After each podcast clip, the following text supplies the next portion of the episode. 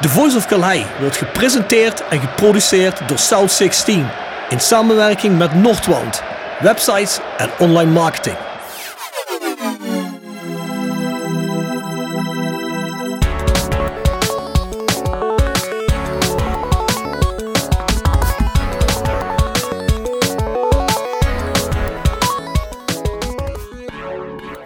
Zo, goedemiddag mannen. Dan zijn we weer. De Voice Court, aflevering 6. Ja, en we zitten na de halve finales van het EK. Dus daar gaan we het zo meteen ook over hebben. Maar voordat we eraan beginnen, een aantal mededelingen en uiteraard het KKD en Roda nieuws.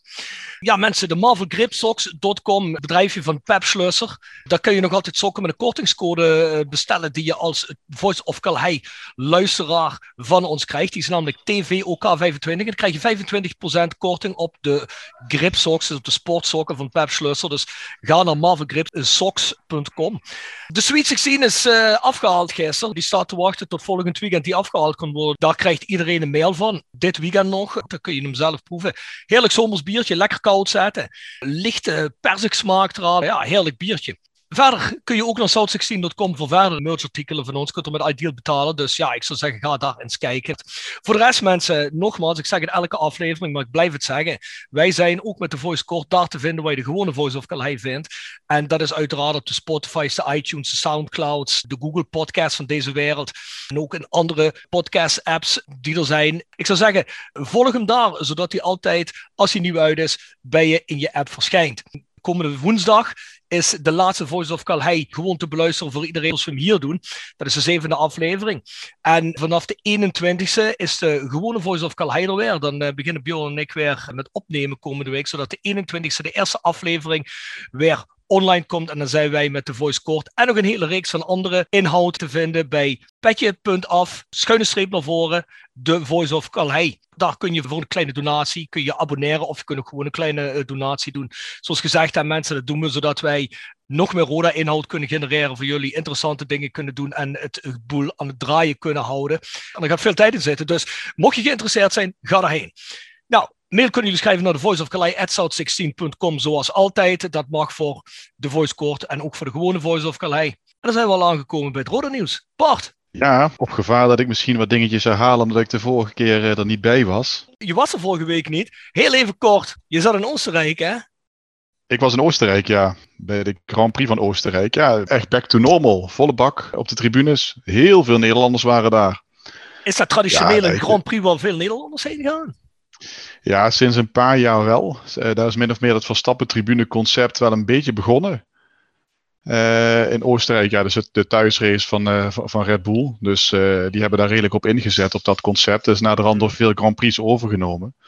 Maar daar is het wel een beetje begonnen, dus daar gaan veel mensen naartoe. Het is redelijk op rijafstand ook. Ik moet zeggen, was wel verder dan ik dacht. Want je bent wel ruim tien uur aan aan het rijden. Maar ja, geweldig om mee te maken. Natuurlijk ook sportief gezien ideaal. Regelmatig ben ik bij races geweest waar de coureur waarvoor ik was, onder andere ook Max Verstappen in de eerste bocht eruit lag dit was van een andere orde. Ja, het was echt gaaf. Het was uh, heel goed georganiseerd daar. Meer dan voldoende drinkstandjes, toiletten, weet ik wat allemaal. Dat hebben we andere Grand Prix ook wel anders meegemaakt. Uh, hele leuke fanzone waar we het EK konden kijken s'avonds. Nou, het was, ah, nice. het was echt helemaal top.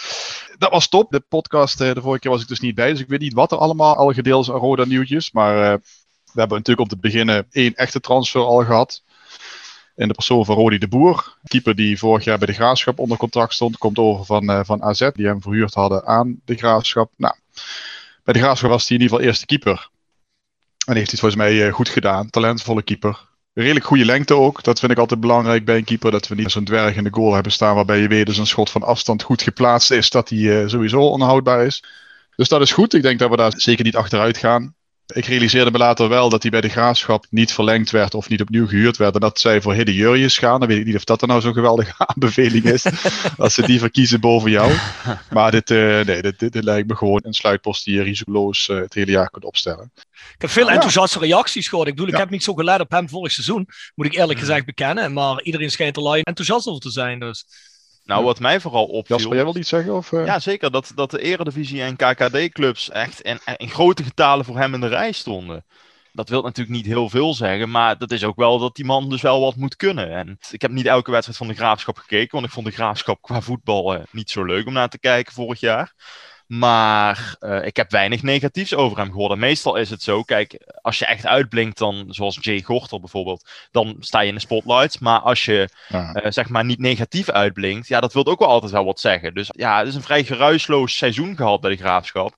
Maar ja, dat is dus wel degelijk. 38 ja. wedstrijden heeft hij volgens mij gespeeld. Ja, dan is het gewoon een, een degelijke keeper, zeker voor ons. Ja, wat mij opviel, voor drie jaar getekend. Voor drie jaar, precies. Precies, dat wilde ik net zeggen. Dat vind ik heel ja, positief. Mooi. Gewoon drie jaar, niet, niet, niet weer huren, waardoor je dan volgend jaar eigenlijk weer opnieuw moet beginnen. Dus heel goed. Ja, ik moet zeggen, maar dat komt misschien zo op. Ik zat gisteren, zat ik met een schuin oog te kijken naar die wedstrijd tegen Mechelen. In geel, daar veroorzaakte die wel op een druistige manier een strafschop. Die uh, gelukkig uh, huizenhoog over en naast geschoten werd. Maar uh, ja, goed, la, laat het houden op. Ja, die, die vloog het stadion uit. Hè? laat het houden op wat aanpassingsproblemen, dat dat goed komt. Ja, verder een aantal hoefspelers. Hans Annapak van Oerdingen. Jamil Takadine van Genk. Of volgens mij Genk onder 21. En recent is uh, Maier aangesloten van Borussia Mönchengladbach. En uh, Denzel Jubitana van Waasland Beveren. Waarbij met name die laatste een hele goede indruk maakt. En die Maier, die zag ik gisteren wel spelen. Daar was ik niet zo kapot van, eerlijk gezegd. Ik wil niet zeggen dat hij beide goals uh, van Mechelen schuld was. Maar zag er ongelukkig uit. Terwijl Jubitana, ja, die lijkt ja, hopelijk een beetje hetzelfde pad te bewandelen als, als Patrick Vlukov. Zet hem nou te snel gelijk op een, op een voetstuk. Ah, maar die jongen die kan wel wat. Daar mag je hem wel mee vergelijken, denk ik. Hij is een dynamische middenvelder die een paas kan geven. Ja, daar kun je op dit niveau niet genoeg van hebben. Ik vond hem de betere versie van Messaoud, als ik eerlijk ben. Dat, uh, daar leek hij wel een heel klein beetje Nog beter. Hij was, hij, ja, nog beter, ja. Nee, hij, hij, hij komt op mij iets, iets actiever over. Ik weet niet. Uh, bij Messaoud was hij toch een beetje flegmatiek. Okay. Tot nu toe maakt hij een goede indruk. Moeten we natuurlijk kijken of dat, of dat vaker zo is. Maar Mechelen is natuurlijk ook geen misselijke tegenstander, hè. Klopt. Ik vond Roda best goed spelen, eerlijk gezegd. Uh, ja. Van wat ik, kijk, ik heb niet 90 minuten lang geboeid zitten te kijken, maar van wat ik gezien heb, deden we zeker niet onder voor Mechelen. Nou, ik heb het niet gezien. Maar wat was het? 2-2? Ja. 2-2, ja. ja. Mooie goal van Goppel. Gaf hij dan ook de assist, Jasper, of niet? Jubitana, ja. Of was Jubitana dat, gaf de assist op uh, ja. Goppel, ja. ja dat was een mooi, mooi steekpaasje. Jensen maakt ook een mooie goal natuurlijk, hè? Ja, ja die was uh, schitterend Zo, daar bij de tweede paal. Uh, ja. In, ja. Zag er bij de 1-0 van KVM wel iets minder uit, moet ik zeggen. Maar... Ja, de verdediging blijft een enkel puntje. Laten we daar dan wel eventjes kritisch Precies. over zijn. Hoe was onze grote vriend van Helmond Sport dan? Stond hij erin of niet? Ehm, Ja, hij stond erin. Hij begon. Ik ja. vond hem onzichtbaar. Dat is meestal ook een goed teken als verdediger. Ja. Hij maakt weinig fouten. Bij die jongen, hij, hij schrikt niet overal meer van. Ik vond dat bij die Florian Maya wel. Dat je echt dacht, oei, ja, uh, verdedigend gezien is dat nog... Uh, ja, ik, ik vergelijk hem mm, misschien nog wel de slechte versie van Kees Luiks. En dat willen we eigenlijk niet volgend jaar. Wie uh, is de slechte versie van Kees Luiks? Ma Maier, die, Ah, die oké. lange. Dus ik, ik hoop dat Roda die niet aantrekt. Nu is dat misschien ook wel makkelijk om dat binnen één wedstrijd te zeggen. Maar ik vond hem niet zo heel sterk. Van Joppe, ja, wat ik zeg. Je zag niet veel, maar wat je zag was degelijk. Right. Heb je nog iets bal? Ik denk dat vandaag hopelijk uh, nieuws naar buiten komt. Hè. Vandaag is D-Day, vergadering ja. van de Phoenix Groep. Uh, of de stichting uh, de Phoenix Groep volgens mij. Dus ja, dat, dat wachten we af. Daar is voor zover ik weet nog niks nieuws te melden. Nou ja, ik hoorde nou ook dat Jurgen Streppel erbij gaat zitten. Is op zich ja. niet slecht. Want ik denk dat die natuurlijk het technisch gedeelte uit zal gaan leggen en uit de doeken doen wat, uh, wat hij daarmee van plan is. Dus ik hoop dat dat wel aanzet tot, tot een beetje meer daadkracht op de spelersmarkt. En dat we de selectie uh, goed kunnen gaan versterken ook. Of in ieder geval dat ja. daar potentieel uh, geld voor vrijkomt misschien. En dan moeten we eens kijken hè, wat er voor de rest gebeurt. Want dat is natuurlijk niet zoals er nu geld vrijkomt. En je kunt op het veld wel een representatieve selectie neerzetten. Waar je misschien alweer top 5 mee kunt gaan spelen potentieel. Wil natuurlijk nog lang niet zeggen dat de problemen bij Roda voorbij zijn. We hebben het daar in de afgelopen podcast ook over gehad. Voor de lange duur, dus voor de komende jaren belangrijk. Dat er meer sponsorgeld binnenkomt. Dat er wellicht nog een andere funder bij komt. Dat er ja. niet extern geld constant wordt tegenhouden. Want we komen straks als club gewoon ook in de financiële problemen als dit blijft doorgaan. Nee, precies. Kijk, het probleem houdt zeker niet op bij Joop Jansen. Hè. Het artikel ook dat de echte Björn deze week ook weer plaatste. Ja, dat staat ook weer boordevol met voorbeelden van onze algemeen directeur en zijn acteren. Of ja, misschien nog beter gezegd, zijn niet acteren. Ja. Ja, kijk, op het moment dat daar niks verandert, dan volgend jaar precies hetzelfde gesprek, dan gaat het misschien dan niet over de voorzitter van de RVC, maar in ieder geval weer dat je qua budget de doelstellingen niet haalt en een stap terug moet doen. Dus ja, het is te hopen dat naar het grote plaatje gekeken wordt. En daar ga ik eigenlijk ook wel vanuit, want volgens mij uh, ja, zijn de voorbeelden te talrijk om te negeren. Dus laten we dat hopen. Ja, maar dat is ook bizar, hè? want Roda heeft wel een geschiedenis van foute mensen op de foute plek. En dat je daardoor niet vooruit komt, financieel niet, als club ja. niet. En dat is nu ook weer heel duidelijk dat er iemand gewoon op de foute plek zit die cruciaal is. Hij is mede aangetrokken voor zijn zogenaamde commerciële vaardigheden. Dat heeft hij zelf al uit zijn eigen mond toegegeven, dat hij er of niet aan toe komt of het niet goed lukt. Ja jongens, wat hebben we er dan aan? Toevallig was ik ergisteren onderweg in Heerlen en heb daar een aantal mensen gesproken. Dat waren gewoon mensen die ook iets in de sponsoring bij Roda doen. Die zeggen nou, ik ga in ieder geval niet meer sponsoren zolang er Martijn Wismans zit. En dat zijn mensen die kon ik niet eens. Die werd ik aan voorgesteld. Dus ja, het is iets wat in ieder geval in de geleding bij de sponsoren leeft dat ze zeggen van deze man die komt zo slecht over en is zo gedesinteresseerd en is niet beschikbaar op tijden dat je met hem wil praten en dergelijke. En zo zijn er nog meer dingen te noemen. Dat, ja, dat het eigenlijk een onhoudbare situatie is geworden als jij daadwerkelijk sponsorgebied dan meer mee wil doen. En dat is maar één van de dingen. Dus ja, ik hoop zoals Bart zegt dat na vandaag dat er in ieder geval op een bepaalde manier wordt ingegrepen zodat we als club echt vooruit kunnen kijken. Ja, ik, vond persoonlijk dat voorbeeld dat, uh, dat gegeven werd over clubs waar Roda op bezoek komt en dat mensen zich afvragen van goh, waar is jullie algemeen directeur? En dat ze dan moeten zeggen, ja, die staat daar in een hoekje. Ja, weet je, dat vond ik symptomatisch eigenlijk. Als dat je houding is, als dat je voorkomen is, op het moment dat je in uh, gezelschappen begeeft van mensen die je misschien niet zo goed kent, dan ga jij nooit die stap zetten die Roda nodig heeft. Ik denk dat het zelfs op een gegeven moment in een heel soepel draaiende club, als je dan binnenstapt, dat het moeilijk is. Maar in een club eigenlijk alles vertrokken moet worden, heb je gewoon een andere houding nodig. Dus ja, we gaan het afwachten. Het is geen social butterfly, laten we het zo zeggen. Nee, nee. Hij is niet zoals jij, Rob. Hè? nou, misschien moet u me meenemen. Ja. Ik, ik, ga wel praten in de bestuurskamer, komt goed. Precies. Dan gaan we naar Jasper met het KKD-nieuws. Zeker, waar we het natuurlijk bij Roda hebben over het feit dat er een gebrek is aan, aan daadkracht. Dan kunnen we natuurlijk ook een eh, boekje open doen over ADO Den Haag en NAC Breda. Laten we beginnen bij de club uit de Hofstad. ADO krijgt serieus problemen met vinden naar een geschikte eigenaar slash overnamekandidaat voor de club. Deze week liet ook de club weten dat er geen deal was gevonden met het driemanschap LMJ met Martin Jol onder andere. Ze lagen qua eisen toch eh, niet op de juiste golflengte met ADO Den Haag ja, dat zorgt voor enorm veel paniek natuurlijk. Want ja, ze lagen op pole position om die club over te gaan nemen. Om daar eindelijk iets van te gaan maken. Waar je nu dus duidelijk ziet dat dat weer niet gaat lukken met deze partij. En ja, ADO hoopt toch dat er nog een deal gevonden kan worden in de komende drie weken. Want voor het eind van de maand moet er echt een overnamekandidaat zijn. Anders krijgt de club serieuze problemen. En dan hebben we het echt over faillissementsproblemen. Dus daar is echt wel wat haast bij. Nogmaals, ik heb al eerder gezegd, eh, de selectie is totaal niet op orde bij ADO. Ruud Brood heeft deze week een uh, interview met Omroep West laten weten helemaal niet kan zeggen wat de doelstelling gaat worden van de club. Want ja, die is er op dit moment ook, die, die kan niet gevormd worden, want je staat met allemaal jeugdspelers op het veld. ADO heeft, eh, zoals Bart het treffend zei een paar weken geleden, echt dezelfde problemen als Roda twee jaar geleden, drie jaar geleden, toen ze degradeerden naar de keukenkampioen-divisie. Dat er gewoon niks op het veld staat. Je hebt een aantal spelers die wel nog vanuit de Eredivisie mee zijn gekomen, maar die willen niet op dit niveau spelen. Daarnaast heb je allemaal jeugdspelers die de selectie aanvullen. Dus dat ligt daar helemaal niet lekker uh, in Den Haag. Dan hebben we NAC Breda, die andere club. Daar zijn alle aandelen te koop gezet. Dus dat is ook wel iets wat, wat, uh, wat opvallend is. Ja, er zijn letterlijk alle aandelen te koop gezet. Ik dacht dat NAC alleen maar problemen had wat ze de Haagse clan noemden en dan de Bredase jongens. En ja, nu ja. hebben we het over een clubovername al. Uh, ja, nou, potentieel. Eh, als uitwerking van de hele ja, ruzie tussen de supporters en, de club NAC, is nu dus ook uh, de eigenaars hebben, hebben hun aandelen gewoon te koop gezet. Omdat ze klaarblijkelijk niet het zien zitten om hier eigenaar van te zijn van deze club op dit moment. Matthijs Manders heeft deze week in een gênant interview met Omroep Brabant laten weten dat het fout aangepakt is, de hele situatie rondom Maurice Stijn met de bedreigingen van de supporters. Ja, letterlijk, het was zo lachwekkend. Hij zei dat ze de bedreigingen fout geïnterpreteerd hadden. Geeft dus eigenlijk de supporters gelijk met dat interview. Ze hadden het fout geïnterpreteerd, ze hadden het niet zo zwaar moeten opvatten.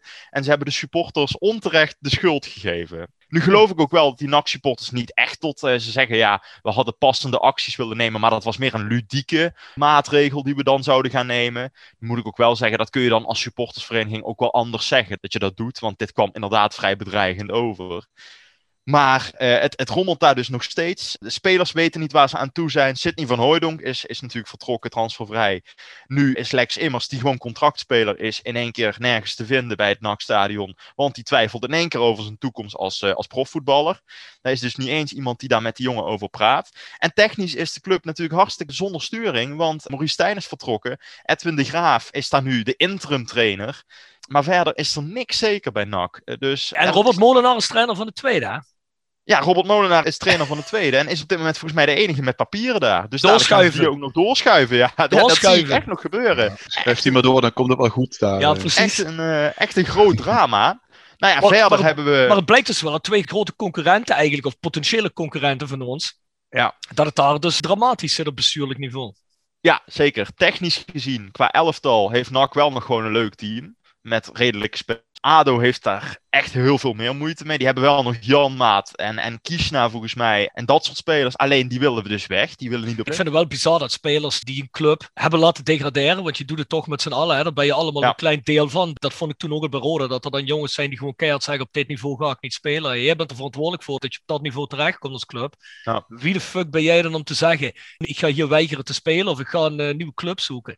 Ja, daar word ik helemaal gek van. Deed onze aanvoerder toen ook. Uh, oh. Nee, ja, Mark-Jan Flederis. Ja, Flederis, inderdaad. Ja. Flederis die altijd voor de groep ging staan en dit en dat. En toen werd er gedegradeerd. Die eerste sprong die van de zinkende schip af. Ja, jongens. Uh, kijk, als je bij zo'n team hoort. Zeker als je aanvoerder bent. Dan vind ik, dan moet je ruggengraat tonen. En ik vind, als jij aanvoerder bent van een team dat degradeert. Heb je niks te vertellen over ik wil naar een ander niveau. Dan ga jij als aanvoerder sowieso één jaar proberen te promoveren. Wat je na dat jaar doet, oké. Okay, maar je gaat in ieder geval door de zure appel heen bijten. Je gaat je verantwoordelijkheid nemen. Ah, ik, ik, vind dat je het sowieso in ieder geval van de club moet laten afhangen. Kijk, we hadden natuurlijk allemaal van die contracten met eredivisie salarissen die Rode gewoon niet kon betalen. En als je dan zegt, nou, je bent te duur, dus je mag vertrekken, dat is wat anders. Ja, maar dat je als speler zegt inderdaad van, ik wil niet op dit niveau, ook al wil de club met mij door, dat vind ik inderdaad echt ja. beneden alle pijl. Nee, ja. kun je niet maken. Goed, het transfernieuws dan. De degradant ADO heeft dus serieuze problemen. Maar die andere twee degradanten die zijn wel degelijk bezig om zo snel mogelijk een sterke selectie te hebben om mee te doen in de top van de eerste divisie. We gaan beginnen met de Limburgers van VVV. Die trekken namelijk Kees de Boer aan. Dat is een middenvelder van 21 jaar. Die komt over van uh, mede-degradant ADO Den Haag. Dat zegt ook wel genoeg. Tekent voor twee jaar met een optie voor een extra jaar. Hij had er ook voor kunnen kiezen om bij ADO te blijven. Maar hij zegt bij VVV zo onder de indruk te zijn van het verhaal van Stan Valks en Marco Bogers. Dat hij voor die stap heeft gekozen. En nou, wat ik net over Den Haag heb gehoord, zou ook niet bij Den Haag blijven. Daar hoef ik geen VVV-verhaal voor denken. Nee, precies, precies, precies. Maar hij staat wel te boek als een, als een groot talent. Heeft ook in de jeugdopleiding van Ajax en Swansea City gespeeld. Vorig jaar is hij naar ADO gekomen. Was echt nog wel wat te licht voor het eredivisieniveau. Maar gaat het dus nu een, een trapje lager uh, proberen bij VVV. Verder zien we dat FC Emmen ook heel erg sterk bezig is om de selectie zo krachtig mogelijk te maken. Ze hadden al in een eerder stadium Jeroen Veldmaten van Go Ahead Eagles, Jeff Hardeveld van Heracles en Peter van Ooyen van Uerdingen gehaald. Maar daar komt nu Jerry Hilterman bij. En dat is een spits die uh, vorig jaar furoren maakte bij Jong FC Utrecht. Heeft daar 19 keer gescoord. En hij moet gaan dienen als de vervanger voor uh, de naar FC Groningen vertrokken Michael de Leeuw. Dat is toch die jongen waar Jeffrey ook in geïnteresseerd was, die ze niet konden losweken toen, hè? Ja, dat klopt. Dat klopt. Toen, uh, toen was er nog een transfersom aan, aan vast. Nu is die uh, volgens mij transfervrij overgenomen van, van Jong Utrecht. Dan is er voor de Louis van Gaal fans een nieuwtje over wanneer Louis van Gaal de wedstrijd van Telstar gaat coachen. 24 september de thuiswedstrijd Telstar tegen Jong AZ. Dat is de wedstrijd die Louis van Gaal dus in het ik weet niet eens meer hoe het stadion heet, joh. Uh, Tata Steel Stadion. Tata Steel Stadion gaat coachen voor, uh, voor Telstar. Denken jullie dat Louis dat nog gaat doen als hij bondscoach is? Ja, ze zeggen bij Telstar dat ze er vertrouwen in hebben dat op het moment dat Louis bondscoach is, dat hij zich toch aan de afspraak houdt om één vrijdagavond toch even Andries Jonker te vervangen op de bank en daar te gaan zitten. Dus laten we het hopen. Het zou wel echt leuk zijn voor de competitie natuurlijk. Nou goed. Ja, Jasper. De column.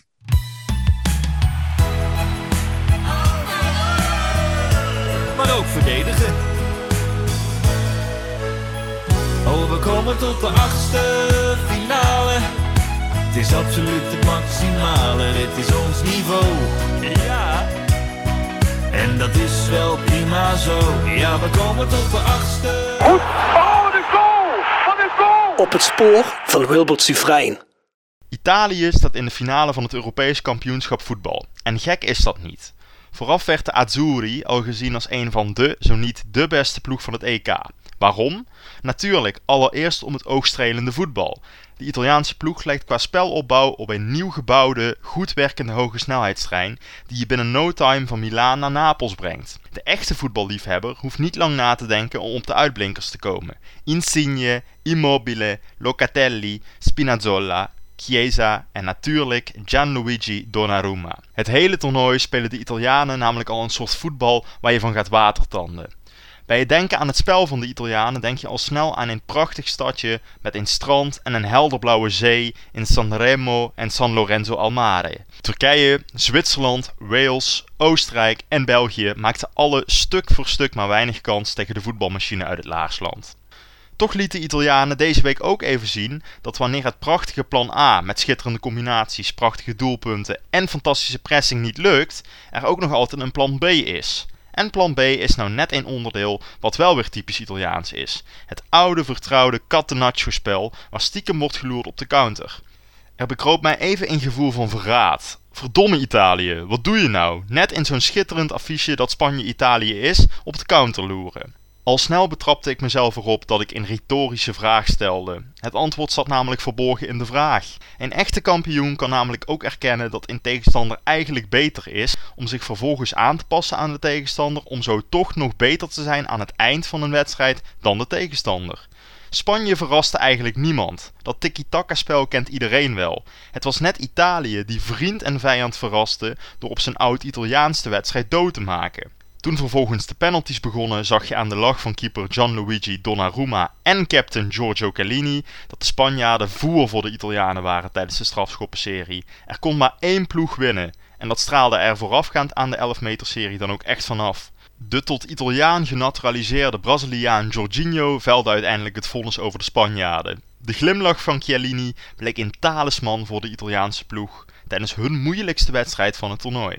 Giorgio Chiellini, il capitano della Azzurri, een 36-jarige verdediger uit Pisa die zich via Livorno en Fiorentina al sinds 2005 verdediger mag noemen van Juventus. Hij domineerde met zijn ploeg jarenlang de Serie A, won het WK en speelde al meermaals de Champions League finale. De verdediger, die bezig lijkt aan zijn allerlaatste toernooi, laat zien waarom Italië in de harten van alle Europeanen zit op dit moment. De tranen schieten hem bijna in de ogen bij het zingen van Fratelli d'Italia. De oude heer, spelend voor de oude dame van Italië, lijkt een vader voor zijn ploeggenoten te zijn. Een verlengstuk van die toch al schitterende bondscoach Roberto Mancini. Tel daarbij op de schitterende stijl van de gehele Italiaanse staf en je krijgt het gevoel dat dit Italië wel eens decennia lang herinnerd kan worden. Een toernooi zoals Euro 2020 heeft al vele bizarre dingen gekend. Het begint in een ander jaar dan dat de titel van het toernooi doet vermoeden. Het bizarre begin van de situatie rondom Christian Eriksen. De prachtige aanvoerder Simon Kja van de Denen, die het wonderwel schopte tot de halve finale. En de voortijdige eliminatie van topfavorieten. Het verdient nu ook een winnaar die ons heeft verrijkt dit toernooi. Een winnaar die we ons gaan herinneren. Het Italiaanse team heeft de voetbalfans echt iets meegegeven. Stijl, passie, leiderschap en emotie. Sorry Engelse fans, maar er is meer dan een liedje uit 1996. Dronken Engelsen, thuisvoordeel en in handhulp van de Nederlandse scheidsrechter en VAR. Je moet het ook echt verdienen. En Engelsen, jullie kunnen echt veel beter met zo'n goed materiaal. Dus jullie tijd komt nog wel. Ja, mannen. We zitten ondertussen één dag voor de finale. Uiteraard dus ook als resultaat ervan na de halve finales. Wat is ons sinds die kwartfinales opgevallen? Bart, bij de spits af. Ja, ik heb opgeschreven de Nederlandse arbitrage. Ja, dan met name natuurlijk Makkeli. Kuipers gaat de finale fluiten. Vind ik op zich ook leuk. Terwijl ik vind het in de wedstrijd die ik hem voor heb zien fluiten, vond ik het eigenlijk altijd een uh, hele irritante scheidsrechter. Maar goed, leuk voor hem dat hij de finale mag fluiten. Maar de halve finale, ja, daar vond ik onze Nederlandse inbreng ja, een dubieuze hoofdrol hebben. Makkeli, die in de verlenging de penalty aan Engeland toekent. En dat hij dat doet, vind ik nog tot daar aan toe. Maar we hebben ook een Nederlandse scheidsrechter die als VAR optrad. Ja, dat vind ik op zo'n belangrijk moment, bij een penalty waar toch eigenlijk heel, heel weinig aan de hand is, vind ik eigenlijk dat je altijd moet gaan kijken. En dan kun je misschien alsnog bij besluit blijven dat je zegt, nou ik zie contact en ik geef een penalty. Ik had het niet gegeven, maar goed. Maar het feit dat daar met deze belangen helemaal niet naar gekeken wordt, ja, dat vond ik buitengewoon opvallend. Ja, dat vond ik ook bizar. Ja. Zoals je zegt, je kunt erover reden twisten, geef je hem of geef je hem niet. Ik, ik, vond het niet duidelijk geen penalty en ik vond het ook niet duidelijk wel een penalty. Dus het is wel degelijk, en dat is je hele punt, denk ik, Bart. Het is eigenlijk het moment waar je heen wil gaan kijken. Dus dat is, is te belangrijk precies. op dat moment ook. Ja, ik snap die regel helemaal. Hè. Dat hebben ze Nederland ook wel vaker uitgelegd. Van als er geen duidelijke fout is, dan steunen we. Maar ik vind op zo'n moment als dit. Uh, mij had niemand er een probleem mee gehad als ze even was gaan kijken. Nee. Mm. Dus doe dat dan gewoon als je die gelegenheid hebt. Opmerkelijk moment, ja, klopt. Want je beslist wel wie er in de finale komt te staan op deze manier. Ja, precies. Jasper, jij? Ja, ik, ik ga ook in het verlengde van Bart ga ik kritiek geven op Bas Nijhuis. Die vanuit een ivoren toren bij Oranje Zomer deze zomer zijn kritiek kan geven aan alles wat het scheidsrechterskorps uh, op het EK uh, ja, bezighoudt en doet. Ja, ik vind dat gewoon een klein beetje makkelijk, weet je. Hij kan nu wel zeggen, ja, ik had het niet gedaan, maar hij wil aan de ene kant zijn collega's niet te veel afvallen, dat merkte je. Aan de andere kant wil hij populair blijven praten bij Oranje Zomer. Word een beetje moe van de hype rondom Bas Nijhuis. Ik, het, zal best een leuke kerel zijn en hij, ik bedoel, hij heeft een leuke bakkerij in het uh, oosten van het land. En het is een enorme mediastunt met YouTube-filmpjes en dat soort dingen. Maar ik vind wel dat je als scheidsrechter ook een klein beetje ja, in de luwte moet houden. Af en toe gewoon eens moet zeggen: ik ga hier niks over zeggen. Want wat had hij gedaan in deze situatie? Bas Nijhuis is niet voor niks een beetje gedaald op de ladder van scheidsrechters. Dat is niet alleen door de Oranje Zomer gekomen of door VI door de jaren heen. Dat is ook gekomen omdat hij zelf echt niet de beste scheidsrechter is. En hij heeft zichzelf ook echt wel eens laten leiden tot dubieuze beslissingen. Ik kan me nog een wedstrijd bij Roda herinneren dat hij twee keer rood gaf, wat helemaal nergens op sloeg. Weet je, hij is zelf niet de beste scheidsrechter. Ga dan niet alles proberen goed te praten en alles proberen. Ik had dat gedaan en ik had dat gedaan. Nee, dat had jij ook niet gedaan. Jij had ook een fout gemaakt hier. Ik vind het irritante hype worden in dit land. Echt waar. Ja, wat mij opviel, weer iets moois rond het Italiaans elftal. Deze keer niet het volkslied, alhoewel dat natuurlijk fantastisch is. Maar ik vind die trainerstaf van Italië, als je daarin kijkt, ik heb eens even op internet gekeken wat hun voor begeleidingsstaf hebben. Er zit toch redelijk wat een ex-voetballers uh, bij. Ja, ik vond dat zo mooi, want ik zag in die halve finale, net voor de verlenging, zag ze allemaal samen staan. Dan zie je Mancini, Vialli en De Rossi, wat ik ook altijd een fantastische speler vond, die uh, ook zijn hele leven lang voor AS Roma gespeeld heeft, volgens mij. Hij is ook een ex-Romse ja. jongen. Ik vind dat gewoon schitterend. Ik vond dat bij het Nederlands elftal altijd mooi als er ex-spelers bij zaten, die ook echt iets konden, die echt iets op hun resume hebben. En ik vond het ook mooi dat daar deze keer Ruud van Nistelrooy bij zat. Sowieso, ik bedoel, als je zo'n De Rossi ziet en zo'n Vialli, altijd mooi in pak, met stijl, met zonnebrilletje erbij. Die mannen kun je zo in een coupé Ferrari zetten. Het zijn zo playboys. Hè? Dus het, uh, ja, het is altijd mooi om te zien dat, uh, dat de Italiaanse met de Italiaanse stijl en dan ook nog eens een keer uh, dat voetbal nou erbij. Ja, fantastisch. Dat vond ik een puntje. Maar Bart, kan jij eens door naar je tweede punt? Dan ga ik, blijf ik even bij Italië. Ik vond de intimidatie van Cellini bij de tos of de aftrap, die vond ik mooi. En dan denk ik dat Jordi Alba er niet echt heel erg van onder de indruk is. Hij kwam wel een beetje geïrriteerd over. Ja, dat wel. Maar ik, ik, vind op ons niveau, zeg maar, als je, dan, als je dan bij Roda kijkt, dan denk ik dat dat soort mindgames, dat die bij ons, als je zoiets raars zou doen of zo, of een, gewoon een beetje een, uh, ja, moet ik het zeggen, een beetje een uh, onaangepast figuur erbij zou hebben, dat het best nog wel indruk zou kunnen maken op een tegenstander. Dus ik vond ik dat dat voor mooi Zouden we vragen of mogen ja. voetballen dan?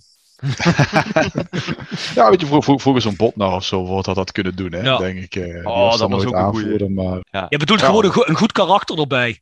Precies, precies, ja. Dat is wel wat we missen, dat klopt. Wie weet, misschien ontwikkelt zich komend seizoen een van die jongens uh, tot zoiets, wie weet. Ja, kijk, je moet natuurlijk ook eens meenemen uh, dat je iets kunt van voetballen. Natuurlijk, dat is logisch.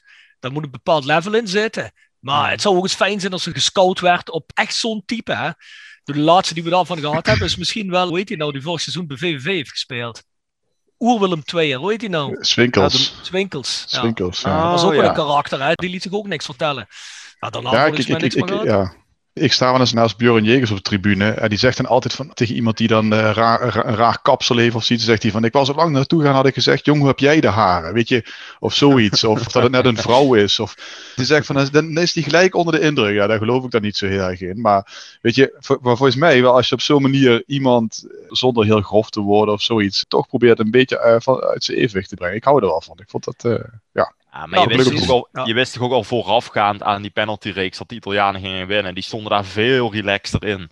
Dat, die zaten te lachen en die zaten onderling zaten die te zeggen, ja, we gaan dit gewoon doen. En bij Spanje zag je de angst alweer komen, omdat die tegen Zwitserland al, volgens mij, twee van de, drie maar, twee van de vijf maar uh, erin schoten. Die waren gewoon hartstikke bang. Eens. Mijn tweede puntje dan. Ja, ik moet zeggen, als ik Italië zag voetballen tegen Spanje, uh, waren ze voetballend niet te beteren. Maar, dat zeg ik er ook meteen weer bij, dan is het wel heel knap dat je in die wedstrijd het kan omzetten naar het echte Italiaanse, oude Italiaanse spel. Van het, oké, dan is het niet mooi, dan gaan we het gewoon tot die penalties proberen eruit te slepen. Want ja, reguliere speeltijd winnen we niet van ze en dan gaan we die penalties winnen. Dat vind ik wel mooi als je als ploeg twee systemen kan hanteren. Dus en, punt 1, je hebt het aanvallende spel, maar als dat niet lukt, oké, wat gaan we dan doen?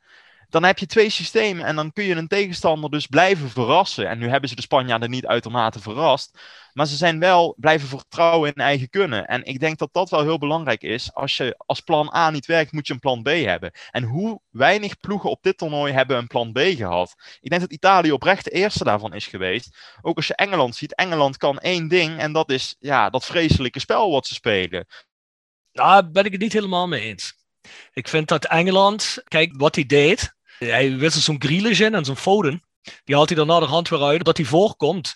En dan wil hij dat frivole en dat, uh, dat, dat meer voetbal wil hij er weer uithalen, omdat hij dat risicovol vindt. Ik vind wel dat hij op, op dat moment, als hij die jongens erin zet, kiest hij ook echt daarvoor. En dan gaan ze ook iets meer naar voren spelen en worden iets uh, risicovoller. Maar dat, wat Southgate doet op dat moment, is dat hij, dat, dat komt meteen op mijn punt, want ik heb hier staan Southgate-tactiek dat is precies dat wat jij zegt. Hij, hij gaat er weer terug nadat mensen zien misschien als een vervelend en langweilig geheel.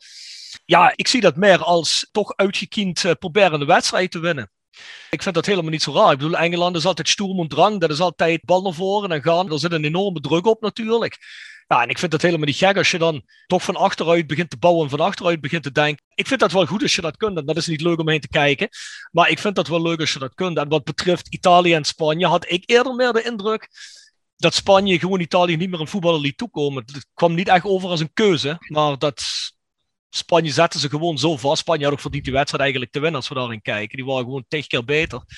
Maar ja, goed, die Italianen zijn gewoon verdedigend zijn ook erg goed. Dus dat, die hielden zich staande. Maar ik had niet de indruk dat ze daar echt voor kozen of zo. Mijn derde punt. Ja, we hebben maar twee wedstrijden gehad. Dus ik ben voor mijn derde punt ben ik een beetje de periferie weer gaan zoeken. En dan vond ik toch wel heel erg indrukwekkend de manier waarop Oranje Zomer omging met het gebeuren rondom Peter R. de Vries. Vond ik een hele indrukwekkende uitzending die ze s'avonds opnamen. Je merkte echt ja, dat de mannen echt aangeslagen waren. En dat vond ik wel een, enorm contrast ten opzichte van de NOS. Ik geloof dat Angela de Jong in haar column daar iets over schreef. Dat uh, ja, de NOS eigenlijk min of meer overging tot de orde van de dag. Ja, dat ging met voorbeschouwen over Engeland-Denemarken was dus mij die avond. En dat zelfs Van der Vaart op een gegeven moment aangeslagen zei van ja, moeten we het niet eigenlijk over iets anders hebben? En is dit nu eigenlijk wel waar we op Nederland 1 over zouden moeten praten? Maar ik vond dat ze bij Oranje Zomer dat ze dat veel beter aanvoelden. Ook al hebben ze in het verleden wel eens wat uh, momentjes gehad met, uh, met Peter. Ja, vond ik dit toch wel iets wat, waar soberheid past. Dat vulden ze goed in. Ja, maar dat is toch wel bizar. Het is waarschijnlijk het best bekeken programma rond die tijd dan moet je je voorstellen, er zit veel sponsorgeld in natuurlijk. En als je dan gewoon uh, na vijf minuten zegt dat je het kort beleegt en zegt, nou uh, we kappen er gewoon mee voor de rest van de avond. Dat is niet het moment. Ja. Ik moet zeggen dat toch onder druk van natuurlijk sponsorgeld, een hele hoop zaken, dan zullen die sponsoren dat hopelijk ook wel begrijpen. Maar ja, er is toch wat ballen voor nodig om gewoon te zeggen, jongens, uh, vanavond even niet. Sluit ik me helemaal bij aan. Ah, Jasper, jouw derde punt. Wat Bart zei over Oranje Zomer, dat is natuurlijk helemaal waar. Ik heb ze net eventjes door de gehaktmolen gehaald omtrent Bas Nijhuis, maar inderdaad, uh, het menselijke trekje uh, van een presentator, dat moet soms ook zichtbaar zijn. En als je Wilfred Gené, je kan, je kan vinden van de man wat je wil, weet je. Dus af en toe is het een waanzinnig pedante uh, presentator, die echt soms ook echt niet geïnteresseerd is in het voetbal, maar meer gewoon in scoren. Maar dit voelde hij goed aan. Hij heeft vanaf het begin gezegd, toen hij dat hoorde, dat nieuws, je zag zijn gezicht betrekken. Hij had ook zoiets, ik moet dit nu zeggen ik moet dit nieuwtje nu brengen. Hij had ook kunnen zeggen, we maken het programma af en we hebben het er niet over, omdat er nog weinig zeker is. Nee, hij zegt het. Hij, hij laat het rondgaan, ook in die, in die latere uitzending. Hij zegt, we gaan hier nu niet langer over door, wat jij net ook zei. En ik vind dat dat wel iets is waar we iets mee kunnen. En inderdaad, de NOS, dat Rafael van der Vaart dat moet inbrengen. Een beetje geschrokken op gereageerd wordt. Oh ja, shit, ja, ik wist niet dat wij het hierover moesten gaan hebben vind ik wel een zwaktebod hoor. Dus soms het menselijke, het menselijke stukje in een, in een show, in een, iets wat je presenteert, dat moet zichtbaar zijn. En uh, ja, ook van mijn kant groot compliment. En ik vind ook dat ik dit als derde moment noem. En laten we Peter heel veel sterkte wensen en alles om hem, om hem heen ook. Want uh, we hopen natuurlijk dat het goed gaat komen. Ja, Jas, wat je zegt, hè, ik denk ook dat de mannen bij VI er ook oprecht door aangeslagen zijn. Ja, dat waren ze. Hij verscheen nou natuurlijk ook regelmatig bij Genees een radioprogramma en ook in de tv-uitzending wel eens. Dus ik denk dat die oprecht geëmotioneerd waren. En, uh, Was ook ja, zo. Goed geïmproviseerd daarna. Over geëmotioneerd raken gesproken, mijn derde punt is. Uh, het volkslied. Ja. nee, maar niet alleen het Italiaanse volkslied. Ja, ik weet niet wat ik dit toernooi heb met volksliederen. Het zegt toch altijd iets over een land. Je volkslied is representatief in muziekvorm voor je land. Italië, Spanje was natuurlijk qua volksliederen was schitterend. Dat zijn er allebei hele mooie. En nu de finale ook. Hè. Dat zijn altijd twee zeer emotioneel meegezongen volksliederen. Zowel door team als staf als door publiek. En uh, ja, het enige wat eigenlijk in de kwartfinale ontbrak is dat de Engelsen tegen de Russen zouden spelen. Want dat je zo ongeveer Ja, de Russen ja. volksliederen bij elkaar gaat. Maar ik moet ook zeggen. Zat er, zat er net niet in. Nee, het zat, er net niet in. Nee. maar ik denk dat ik daardoor ook het stapje al even maak naar onze voorbeschouwing op de finale. Ja, ik denk dat het een mooie finale is. Een van de mooiere finales die we de laatste toernooien gezien hebben. Ik geloof zelfs niet dat ik überhaupt de finale in 2016 heb gekeken. Ik heb volgens mij de Wereldcup finale ook niet gekeken in 2018. Toen was ik er ook wel klaar mee. Want kijk, zo'n teams als Spanje en Frankrijk telkens in de finale te zien. Ja, je weet dat die landen eigenlijk, als ze, als ze gewoon goed staan en als het gewoon goed gaat, zijn die gewoon ontiegelijk sterk. Kan er eigenlijk niet mens van winnen. Dus, Ja. en na een aantal gewone toernooien van Frankrijk en hetzelfde voor Spanje daarvoor. Ja, heb je het eigenlijk wel gehad. Dat is een beetje het gevoel wat ik ook met Barcelona eh, heb. Ik spelen schitterend voetbal, dat klopt. Maar ja, dat is gewoon niet meer leuk om mee te kijken. Want het is altijd hetzelfde. Ze winnen toch altijd uiteindelijk. Dus eh, daar is een beetje het spannende wel vanaf. Dus ik ben eigenlijk heel erg blij met die finale. Met een leuk spelend Italië, een sympathiek Italië. Op alle vlakken, een schitterend volkslied. En hetzelfde geldt voor Engeland. Plus, natuurlijk, de dramatiek die daar weer bij gaat zitten, zo meteen bij Engeland. Ik wil niet weten wat qua dramatiek mooier gaat zijn als ze winnen of als ze verliezen. Dat wordt allebei wordt, uh, dramatisch. So good afternoon, Chris. I thought we'd contact you since Ingo's been telling us all about their friend. You're from Watford, right? I'm from Watford. I was I was born and raised in a town called Hemel Hempstead, which is about four or five kilometres outside uh, of Watford. But yeah, it's it's a big big Watford stronghold. They could actually move the entire football club to Hemel because I think they did a survey about ten years ago, and, and more than ninety percent of, of season card holders actually had Hemel Hempstead addresses. So. Yeah, it's very much a Watford stronghold, even though it sits outside of Watford. What's your connection to Rhoda? Okay, but I, I- I first moved to, to, to Brunson in, in 2000. Oh, goodness me, it's 21 years ago now. Yeah. Uh, and clearly, I mean, I, I'm a Watford fan and I'm a football fan. I'll, I'll go anywhere. And, and, I had friends uh, in, in, in Brunson, not Dutch, um, but they were friends. And I used to go uh, and watch the team up the road who play in yellow and green. I shall not mention their names. Um, yeah. but um, I, I always I always knew that that Brunson was was very much a, a, a mining town. It had its close communal connections with, uh, with with the mining industry, which of course is what Rhoda is is all about. The history uh, is very much intertwined with the uh, uh, with, the mining industry, and I just had I just had this connection. What do you figure was more important, getting to the final or winning against the Germans in the round before? Oh, what a great question. uh, uh, ultimately, of course, getting to the final. Um, but you win nothing by getting to the final, Rob. I, I, it's very important to point that out. We now we're there. We have to go and win the damn thing. Of Um, course. We, we always same with the Dutch. I mean, if we lost last night, I, I know what the nation would be saying. Yeah, we lost in the semi-final again, but at least we beat the Germans. And I know that's what people uh, will be thinking. Uh, um, do you know Gary Lineker, very famous English footballer? Of course, of course. Yeah, he, he he has this quote that says, "England go to a tournament, we play Germany, England dominate for for ninety minutes, and ultimately Germany wins on penalties." Yeah. And that's that's how we always think about. it. No matter how well we played against the Germans, we, we can we can never beat them. So you guys win against the Germans the other week. That's already a, a huge outpour of joy and, and relief and I guess years of frustration that uh, that pour out. Uh, insane scenes at Wembley, outside Wembley was pretty crazy. Really genuine, I think. That's obviously a breath of fresh air when you see what a UEFA tournament or a FIFA tournament nowadays is all about and all these clown-esque fans and everything. I don't think you're a very huge fan of either last night happens. Did you even have the feeling that you could even not make it to the final? Yes, every England fan on the planet has a feeling that we won't make it to the final. It, it's it's like the, the, the, the footballing gods are, are always against us, Rob. Um, if you go back over the years, we've had absolutely no luck in uh, in a lot of the tournaments. Let's not that's not to say that we haven't been complete shit in a lot of tournaments because we have. But uh, that we just this tournament seems to be falling our way. We were on the right side of the draw. Uh, there are uh, there were incidences last night, for example. I mean, was that a penalty? I don't know. You see them give them, you see them not given. That it was saved. I mean, Kane is lethal normally from the penalty spot, and that's probably the worst penalty I've ever seen Harry Kane take. But what happens? It bounces off Schmeichel's chest straight to his feet. On another day, in another game, in another tournament, that ball doesn't go anywhere near Harry Kane's feet. The penalty's missed. We lose in extra time. That's how the that's how the rules of the game normally play out for, for Yeah. national team. But you know, it's it, it's falling into place. But I've said it before, Rob, and I'll say it again. It's all right getting to that final. We now have to walk away with that trophy on Sunday, and that's going to be a very big ask because the Italians, as I'm sure you know, are, are technically better than we are. I would say, Mhm. certainly defensive wise. If they go a goal up, trying to break them down will be very, very difficult. And I'm not sure we have that in our armory to do so. But I'm being a typical England fan, absolutely pessimistic. But fingers crossed, football's coming home. So you fancy your chances, huh?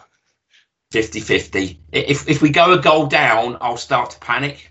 If we go a goal up, I think we can do it. I mean, I, I, I don't mind admitting last night I was in tears, much to the amusement of my wife. It doesn't quite understand the passion, but there, there you go. And, uh, and yeah, for sure, if we if we walk away with that trophy on Sunday, I, I will be in I will be in bits, Rob, because um, I honestly never thought I'd see it again in my lifetime. But Yes. let's let's see. If you do not win it, which we not hope for you, obviously, are the years of hurt even felt harder? Or is that a frustration upon a frustration even more? Or does maybe reaching the final and winning it finally against the Germans in an official tournament alleviate it a little bit? Yeah, no, I, I think you're right on, on the latter there. I mean, all, all those years of hurt. I mean, England have come back from tournaments, and you can honestly put your hand on your heart and say we wasn't proud of that. We wasn't proud of that team or anything. Whatever happens on Sunday, um, a lot of that hurt will disappear because they brought some pride back to, to English football, Rob, and that's taken many, many decades to be able to actually put my, myself in front of the camera and say I'm proud of the English national football team if we lose on Saturday, I will still be immensely proud. Um, it's been so many years and so many tournaments, some tournaments we've not even qualified for. That hurts. I don't need to tell a Dutchman how much that hurts Yeah. not for a tournament.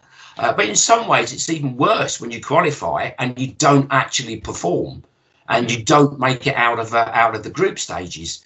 We've done that on occasions, as of the Dutch, and you can say, "I'm not proud of that team at all." whatever happens Saturday, uh, Sunday, uh, Rob, I think the nation can put its hand on its heart and say, "Well done, lads! You, you brought some pride back to us." Yeah. To round it off a little bit, what do you think Southgate should do? Play with the likes of a Phil Foden and a, and a Grealish, or go for the more unspectacular, conservative tactics? Yeah, I mean, oh, by the way, Gareth Southgate, I forgot to mention, is also a Watford boy. He was born in the hospital 200 metres away from Watford Stadium. So Ah, there you go. There you go. There, there you go as well. Um, you, you cannot doubt South, Gareth Southgate anymore. Uh, I mean, me and the rest of the nation would look at a side and go, why has he picked that side? Or why is he tactically going with that back four?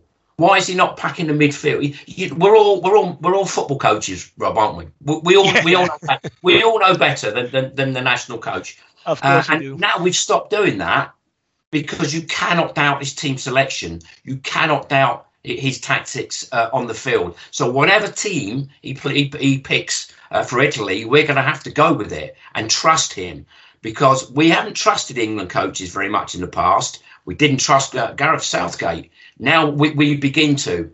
I think personally he will go very conservative, certainly for the first hour, possibly. Yeah. Uh, and- and if it's at nil nil still uh, after the hour mark, we've got so much potential on the bench. Probably more potential on the bench than the national team arguably has ever had. Uh, the, the strength in depth is absolutely fantastic.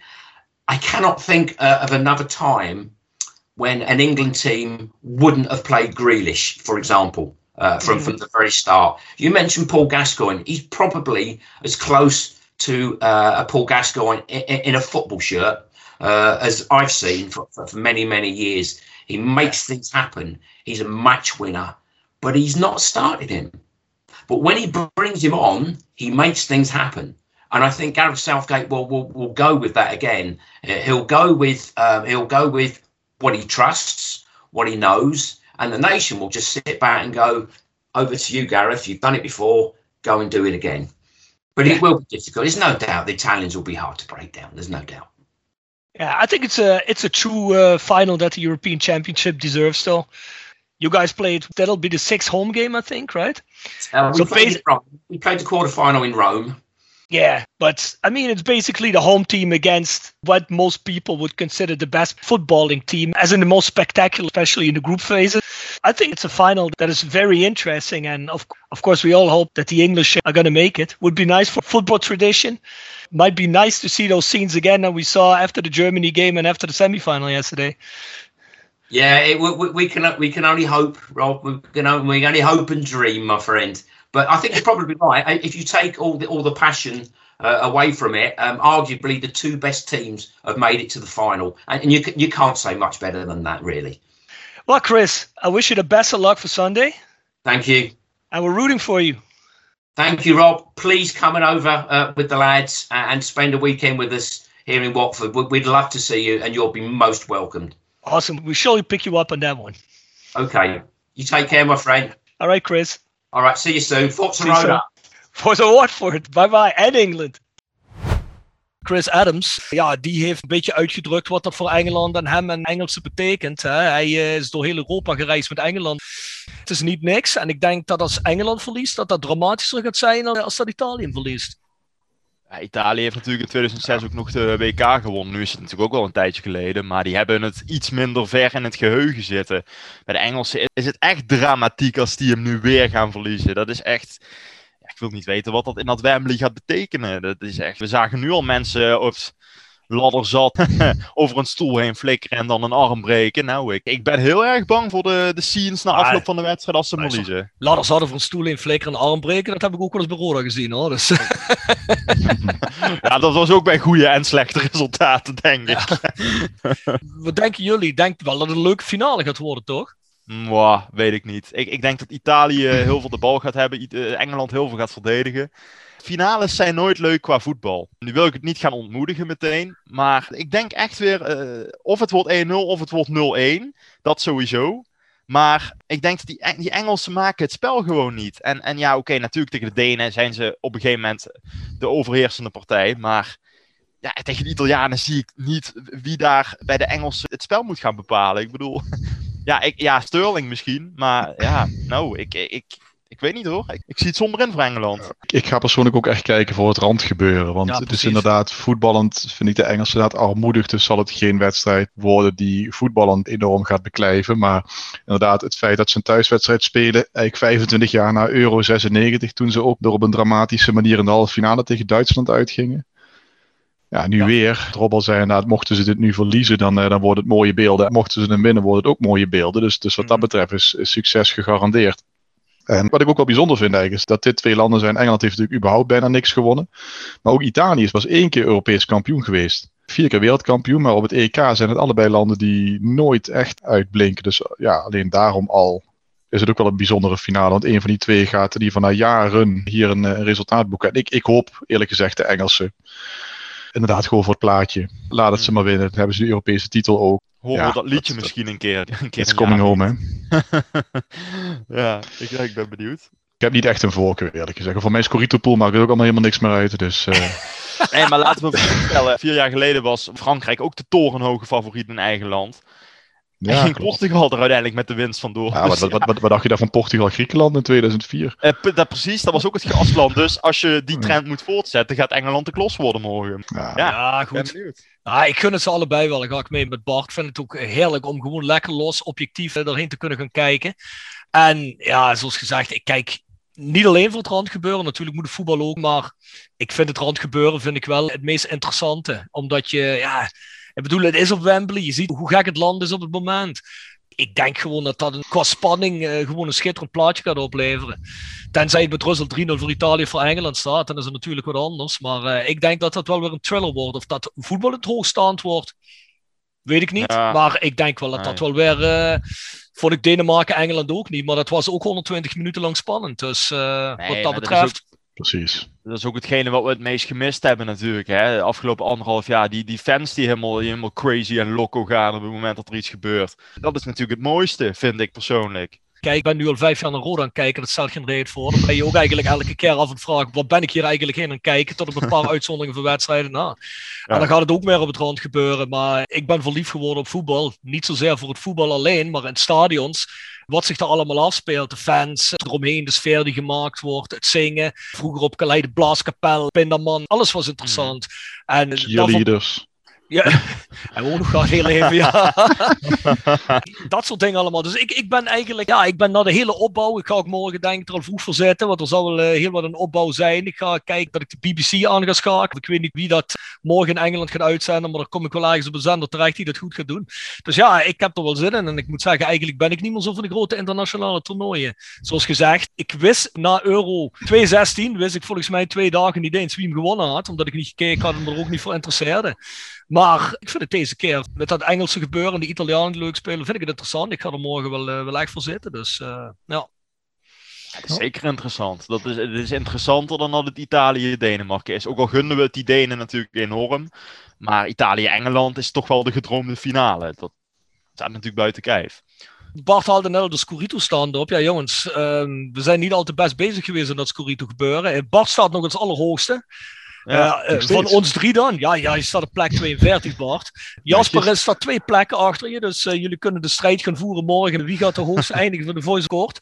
Rob zal het zeker niet worden, want ik sta 62ste geheid laatste van alle mensen die nog ingevuld hebben. Want onder mij staan alleen maar mensen die niet meer ingevuld hebben rondes daarnaast. Dus uh, ik zal in het vervolg gewoon invullen wat ik denk wat het moet worden. En niet van, ja Frans, je hebt het altijd fout. Dus vul het nu maar eens heel anders in. Dat gaan we niet meer doen. Maar ja, er staan drie mensen helemaal bovenaan. Ik heb net even namen genoteerd. Dat is Figo 11, Lando Haas en Rudy. Nou, een hele hoop mensen die daar op bereikbare afstand bijstand die nog eerste kunnen worden. Nou ja, goed, wens morgen iedereen succes erin. En zoals gezegd, ja, word je eerste. Uh, voor als je het nog niet meegekregen hebt. Er is in ieder geval een prijs te winnen. Er is een fles Sweet 16 te winnen. We hebben iets van 16 merch. We hebben kaarten voor het Mijnmuseum. We hebben nog rode sjaal liggen. Dus dat soort zaken die worden allemaal naar je opgestuurd. Ja, heb je toch voor iets gedaan. En niet alleen voor de eer. Dus ik denk dat dat wel leuk is. Nou mannen, nog heel even voorspellen. Wat wordt die finale morgen? Jasper? 1-0 Italië. Bart? 1-1, denk ik. Na strafschoppen worden beslist. Op Engeland. uh, ik hoop Engeland, ik uh, denk Italië. Oké, ja. oké. Okay, okay. Ik ga 2 in Italië. Wel pas na verlenging, maar dat, uh, ja, ik, dat ik, zie, dat, ik zie dat wel gebeuren. Ja. ik gun het de Engelsen ook wel, maar het zal wel heel mooi drama worden als ze hem verliezen. Dat wordt ook heel dramatisch. Dat uh, gaan ook goede beelden opleveren, zoals Bar zegt. Nou, dan zijn we op het einde gekomen van deze voice code. Mensen, wij zijn terug op woensdag. En het zal vooral rusten op de EK-finale. De week daarna zijn wij te vinden bij Petje.af. En daar kun je uiteraard ook je donaties doen als je dat graag zou willen. Of abonneer je op die content die we dan maken. Zes afleveringen lang zijn we met de voice call bezig geweest. Nou, daar gaan we uiteraard mee door. En nog een reeks van andere zaken. Dus ik zou zeggen, check dat eens uit als je daar interesse in hebt. Hebben we nog het mailadres van voiceofclay.com. En natuurlijk de vrienden van de podcast die ons ook mede in leven houden. Jegers Advocaten. Nederland Beauty Salon Next Door. Hotelrestaurant De Veilerhof. Herberg de Bananeshoeven. Noordwand www.gsrmusic.com. Stokgrondverzet. Rapi Autodemontage. Van Ooije Glashandel. Quick Consulting. Wiert's Personeelsdiensten. Fandom Merchandising. Het Nederlands Mijnmuseum. Marimi Solar. Roda Support. Wielergroep. PC Data. Metaalgieterij van Gelst. En Roda Arctic Front. Ja, yes, dat zijn onze Roda-fans uit Scandinavië. Nou mensen, zoals gezegd, wij zijn er woensdag weer. Tot dan. Hoi. Tot dan.